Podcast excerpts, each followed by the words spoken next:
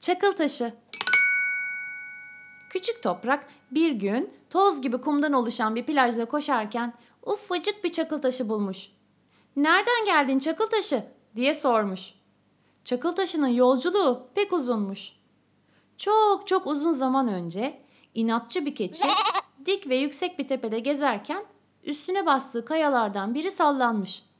Keçi kendini kurtarmış ama koskoca kaya yerinden kopmuş ve başlamış aşağı yuvarlanmaya.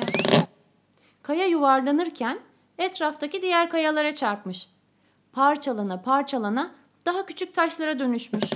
En sonunda taşlar aşağıdaki denizin kıyısına varmış. Günler, geceler, baharlar ve kışlar geçmiş. Küçüklü büyüklü bir sürü taş deniz kenarında buluşmuş.